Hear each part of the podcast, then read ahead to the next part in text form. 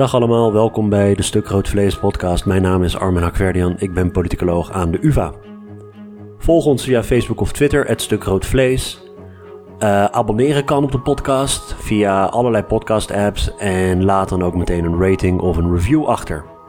Vijf sterren graag. Gisteren waren de Britse verkiezingen. Dat heeft u vast allemaal meegekregen. En ik moet ergens mijn eerste gedachte kwijt en ik dacht ik doe dat gewoon op de podcast. U weet, een paar maanden geleden had ik het plan om wat kortere tussendoortjes op te nemen, zogenaamde SRV extra's. En in plaats van een reguliere aflevering wilde ik gewoon even kort wat eerste gedachten met u delen. Uiteraard gaan we uitgebreid nabeschouwen met Rob Ford. Maar Rob die is denk ik aan het bijslapen, want hij was um, nogal druk met die exit poll van de BBC waar hij aan mee heeft gewerkt. En ook het uh, analyseren van de resultaten. Wanneer die weer opduikt, uh, beloof ik u dat we Rob uh, laten nabeschouwen. De headlines van deze verkiezingen kent u vast al. Boris Johnson heeft een grote overwinning geboekt. En heeft een comfortabele meerderheid van ongeveer 80 zetels om zijn uh, Brexit door te voeren en de komende vijf jaar het land te regeren. Jeremy Corbyn en Labour hebben een dramatische nederlaag geleden. De slechtste resultaten sinds de jaren 30. En de SP heeft ook een flink goed resultaat geboekt. Dus dat kan nog interessante consequenties hebben voor Schotse onafhankelijkheid en het uiteenvallen van het Verenigd Koninkrijk. Is dit nou een onverwacht resultaat? Het is lastig te zeggen. Veel van die voorspellingen die hebben natuurlijk een, een onzekerheidsmarge in zich. Maar als je afging op de peilingen, dan was het eigenlijk wel duidelijk dat de conservatieven een meerderheid zouden halen. Ik denk dat de um, uiteindelijke grootte van die meerderheid wel aan de bovengrens zit van de meeste voorspellingen. Dus de meeste voorspellingen die gingen niet uit van zo'n grote overwinning. Maar dat Johnson een um, absolute meerderheid in het parlement zou halen, kan geen verrassing zijn als u uh, de peilingen een beetje heeft gevolgd en ook allerlei scenario's in de media hebt um, meegekregen. Um, niemand ging uit van, van het scenario dat Labour bijvoorbeeld de grootste zou kunnen zijn. Dat was simpelweg niet aan de orde. Maar um, ja, dus, dus uh, de, de resultaten zijn aan de ene kant zoals voorspeld. In termen van absolute meerderheid winnen voor Johnson. Maar ze zitten een beetje aan de bovenkant van de voorspellingen. De grote vraag van deze verkiezingen is denk ik niet zozeer waarom de conservatieven nou zoveel hebben gewonnen, maar waarom Labour zoveel heeft verloren. De conservatieven hebben 1 procentpunt gewonnen ten opzichte van 2017. Dat vertaalt zich in heel veel meer stemmen en dat komt door het kiesstelsel. En ik zal straks nog een, een tirade houden over dat verschrikkelijke kiesstelsel van de Britten. Maar de conservatieven zelf hebben niet bijster veel erbij gewonnen. Wat voornamelijk het verhaal is van deze verkiezing is de totale implosie van Labour. En als je kijkt naar de, heel simpelweg op geaggregeerd niveau kijkt naar stemverschillen ten opzichte van 2017, dan zie je dus dat Labour in totaal 8 procentpunt heeft verloren ten opzichte van 2017. Alle andere grotere partijen hebben gewonnen. De Lib Dems die hebben zelfs 4% erbij gewonnen. 4 procentpunt erbij gewonnen sinds 2017. De Brexit-partij 2 procentpunt. De conservatieven 1 procentpunt. De Groene 1 procentpunt. De S&P 1 procentpunt. En het doet me een beetje denken aan de verkiezingsuitslag van um, ehm, 2017 in Nederland, die implosie van de Partij van de Arbeid. Mijn indruk is dat Labour eigenlijk aan allerlei verschillende groepen stemmen heeft verloren. Er zal ontzettend veel aandacht uitgaan naar die zogenaamde Red Wall, die Leave-gebieden die traditioneel Labour hebben gestemd, maar die nu over zijn gestapt op de conservatieven. En dat zijn een beetje diezelfde gebieden als die Midwest-gebieden in, het, uh, in de Verenigde Staten, die in 2016 op Trump hebben gestemd en in 2012 op Obama stemden. Dat is denk ik maar een deel van het verhaal. Een ander deel van het verhaal is dat Labour ook aan de Lib Dems en de Groenen en de SNP stemmen heeft verloren. Dus je ziet een beetje dat Labour, net zoals heel veel sociaal-democratische partijen, in een soort onmogelijke spagaat bevindt. U weet, ik ben een enorme fan van kiezersstromen en die heb ik nog niet gezien. Het is natuurlijk heel vroeg na de verkiezingsuitslag en het, het goede enquêteonderzoek, dat moet nu de komende tijd uitgevoerd worden. Met die kiezersstromen kun je dus zien welke kiezers er daadwerkelijk overstappen. Dus als je een representatieve steekproef hebt van kiezers laten we zeggen in 2015, diezelfde kiezers in 2017 ondervraagt. En je gaat diezelfde kiezers ook in 2019 ondervragen en misschien tussendoor ook nog eens een keer. Dan kun je dus kijken op het niveau van individuele kiezers, wie is er nou geswitcht? En dat is het soort informatie dat voor mij eigenlijk het belangrijkste is. Wat ik heel graag zou willen zien, zijn die kiezers die in 2017 op Labour stemden, en misschien in 2015 ook nog. Wat is er met die kiezers gebeurd? Zijn die nou en masse overgestapt op de conservatieven of op, of, uh, of op de Brexit-partij? Of op de Lib Dems, Groen en de SNP? Want hoe je het ook went of keert, Brexit is toch een van de belangrijkste factoren waarom uh, Labour nu zo'n nederlaag heeft geleden. Het zou best zo kunnen zijn dat Labour aan beide kanten heeft verloren. Dus zowel in die Red Wall districten, waar Rob Ford het ook in zijn voorbeschouwing over had, hè, dus die donkerrode liefgebieden, maar tegelijkertijd ook heeft verloren aan die meer urbane, gemengde gebieden, aan de Liberal Democrats. Dat is natuurlijk ook het soort stemverlies dat je heel erg ziet in um, andere landen als het gaat om de lastige positie van sociaal-democratische partijen. Mijn gevoel is dat die eerste categorie, Labour-stemmen verloren aan de Brexit-partij en aan de conservatieven, met name in, in het noorden van Engeland, dat die weer heel veel aandacht gaat krijgen. En misschien wel disproportioneel veel aandacht. Maar het is duidelijk dat de Sociaal-Democratische Alliantie, die decennia na de Tweede Wereldoorlog en, en misschien ook nog tot, tot ver in de jaren 80, 90, die alliantie dus aan de ene kant traditionele arbeidersklasse en aan de andere kant we zeggen de wat meer um, ja, de stedelijke, de stedelijke juppies. Die alliantie die eigenlijk altijd de Sociaaldemocraten tot een van de grootste partijen in Europa, partijfamilies in Europa heeft gemaakt. Die alliantie die piept en kraakt. En dat is in het Verenigd Koninkrijk niet anders. Dat is een ontwikkeling die echt al zich heeft ingezet voor Brexit. Maar heeft natuurlijk een enorme opswieper gekregen door Brexit de reden dat die alliantie uit elkaar aan het vallen is, is omdat er een nieuwe scheidslijn door de partijcompetitie in Europa loopt. Die niet zozeer gaat over economische onderwerpen, maar gaat over culturele onderwerpen. En Brexit past heel goed binnen dat conflict. Ik denk dat er op dit moment drie voornaamste verklaringen zouden kunnen zijn voor het verlies van Labour laten we het hypotheses noemen. En die moeten dan met uh, nou ja, gedegen enquêteonderzoek moet dat, moet dat worden getoetst. Welke van die verklaringen nou uh, steek houdt en welke niet. Of welke belangrijker is. Of nou, al, al dat soort dingen. Ik denk dat je uh, grofweg drie verklaringen zou kunnen hebben. de eerste heeft te maken met Labour's positie op Brexit. Wat een extreem vage positie was. Een heel ambivalente positie. Aan de ene kant, Corbyn zelf is natuurlijk meer van leave. Tegelijkertijd wilde hij wel het referendum uit 2016 wilde die eerbiedigen. Dus een soft Brexit is uiteindelijk een beetje waar ook het manifesto van Labour in 2017 op gedoeld was. Nou, heel veel van de Labour-achterban is, van, is, is Remain. Lang niet allemaal, uiteraard. Maar een grote meerderheid van de Labour-achterban is voor Remain en ook uh, Labour-parlementariërs. Uh, en Labour heeft nooit het soort duidelijkheid kunnen scheppen dat de conservatieven heel nadrukkelijk wel hebben gedaan. Dus Remain-kamp is uh, verdeeld tussen Lib Dems, Groene, SNP en, en Labour. Terwijl helemaal met de implosie van de Brexit-partij en het terugtrekken van Farage uit allerlei stemgebieden, de Brexit-vote natuurlijk verenigd is. Corbyn heeft geprobeerd om een soort grijs gebied te vinden als het gaat om Brexit, terwijl het land helemaal niet zit te wachten op grijstinten en Brexit. Het land is diep verdeeld in twee kampen. Er is geen tussen leave and remain. En dat weet u ook als u al die, al die podcasts met Rob heeft gevolgd het land is diep verdeeld. Het zijn geen grote verschillen. Het referendum zelf was 52-48. Je hebt niet één kamp dat het andere kamp domineert in het Brexit-debat. Ze houden elkaar een beetje in balans. De peilingen die laten het afgelopen jaar zien dat Remain iets populairder is. Niet bijster veel, maar iets populairder. Als je kijkt naar de stemmen nu, dan heeft dan hebben de Remain-partijen bij elkaar hebben 52% van de stemmen gekregen. De Leave-partijen bij elkaar hebben 48% van de stemmen gekregen. Ook weer heel dicht bij elkaar. Dit is niet een situatie waarin je onduidelijkheid kan scheppen. En dat heeft Corbyn uiteraard wel gedaan. Hij probeerde dat iedere keer dat hij een vraag kreeg van wat wil je nou met Brexit, zei hij nou ja, ik wil een tweede referendum.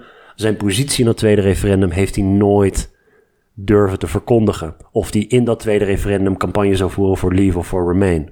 Dus op het thema van de afgelopen decennia, het belangrijkste politieke thema van misschien wel de naoorlogse Britse geschiedenis, namelijk lidmaatschap van de Europese Unie, heeft de belangrijkste oppositieleider van het land geen antwoord. En dat is een enorm zwaktebod. De tweede verklaring zou kunnen zijn dat onder Jeremy Corbyn de Labour-partij veel te ver naar links is opgeschoven.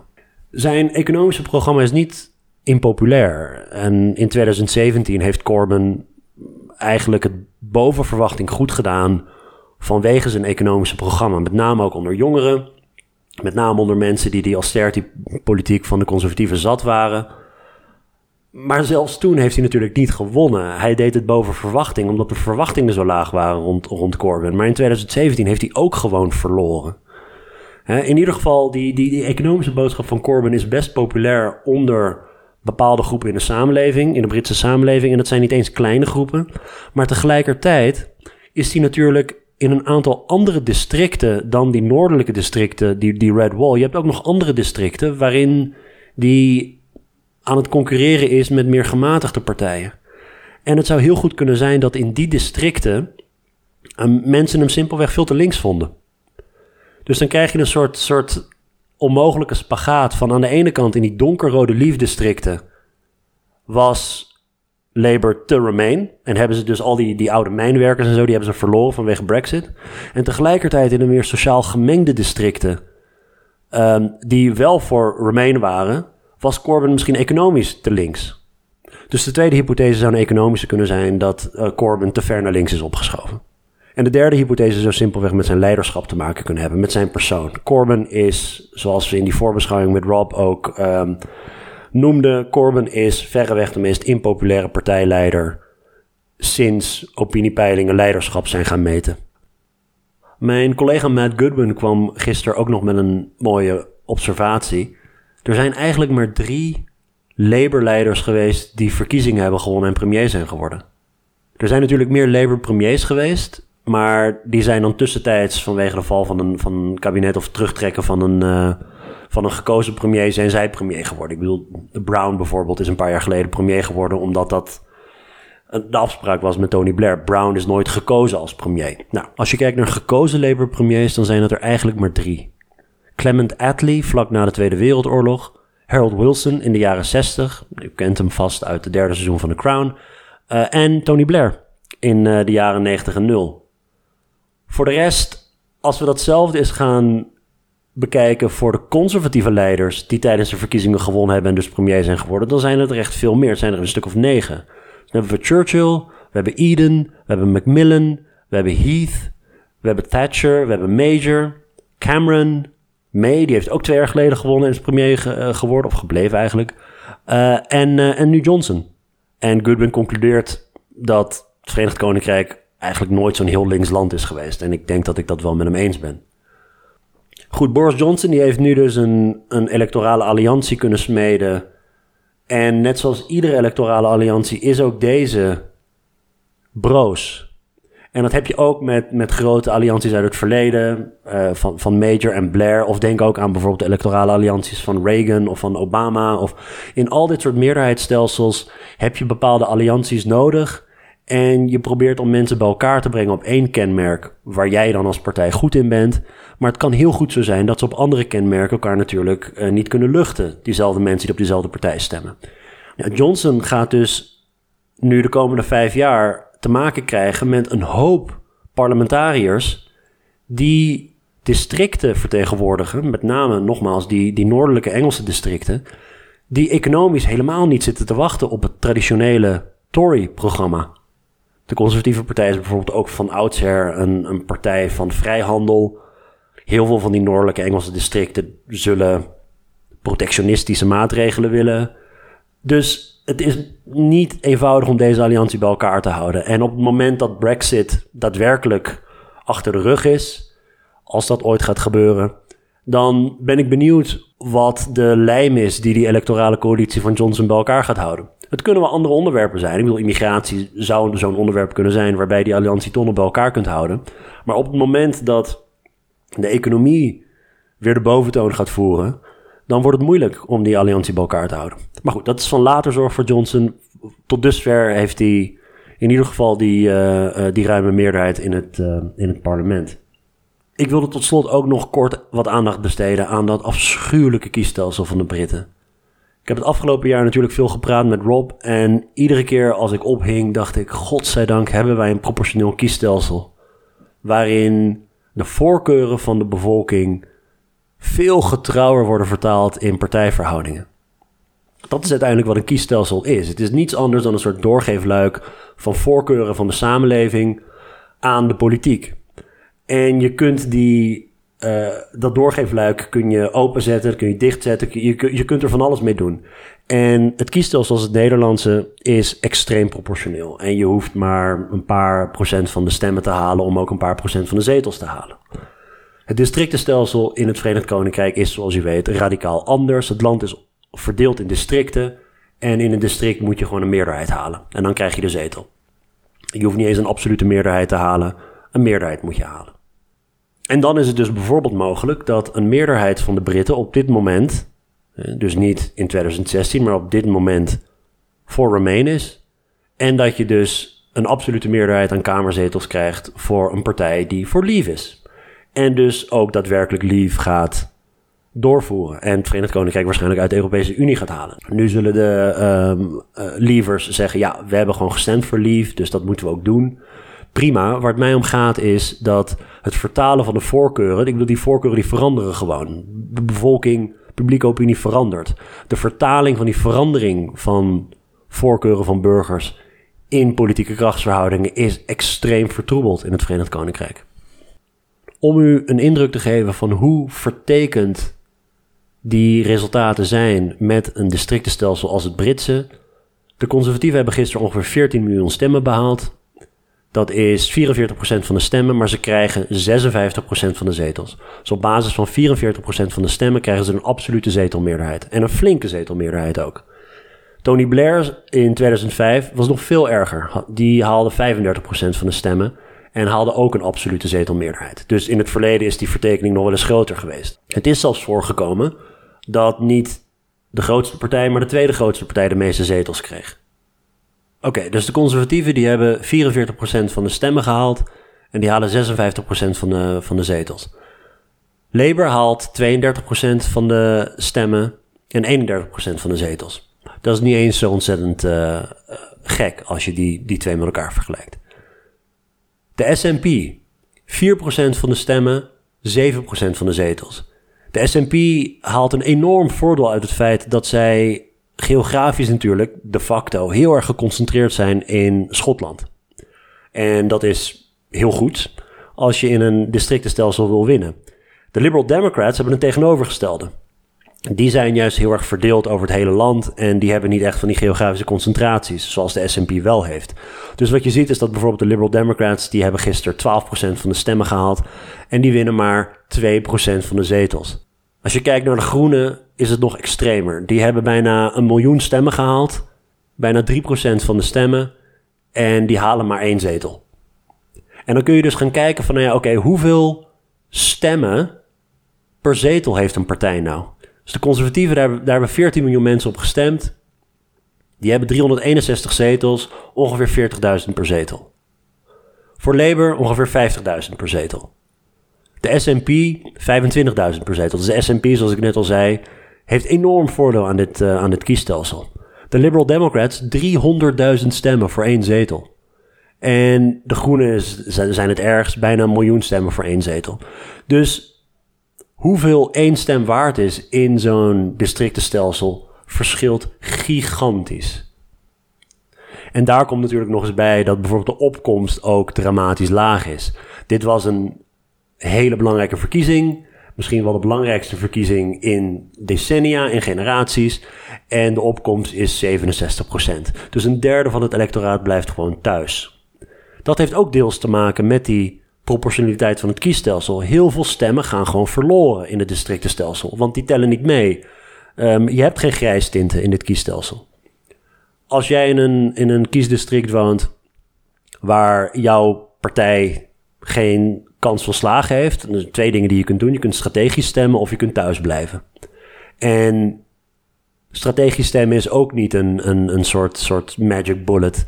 Uh, je stemt alsnog op een partij waarmee je het eigenlijk niet eens bent. Het is het kiezen tussen twee kwaden met strategisch stemmen. Dus opkomst ligt over het algemeen lager. Er zijn veel meer stemmen die verloren gaan. In Nederland gaan er eigenlijk nauwelijks stemmen verloren. Dat zijn eigenlijk alleen maar partijen onder de kiesdeler in Nederland. Als je daarop stemt, dus echt hele kleine splinterpartijen, dan gaat je stem verloren in de zin dat, dat, dat die partij geen, uh, geen zetel krijgt. In het Verenigd Koninkrijk gaan miljoenen stemmen verloren. Goed, dat waren wat eerste flarden van, uh, van gedachten.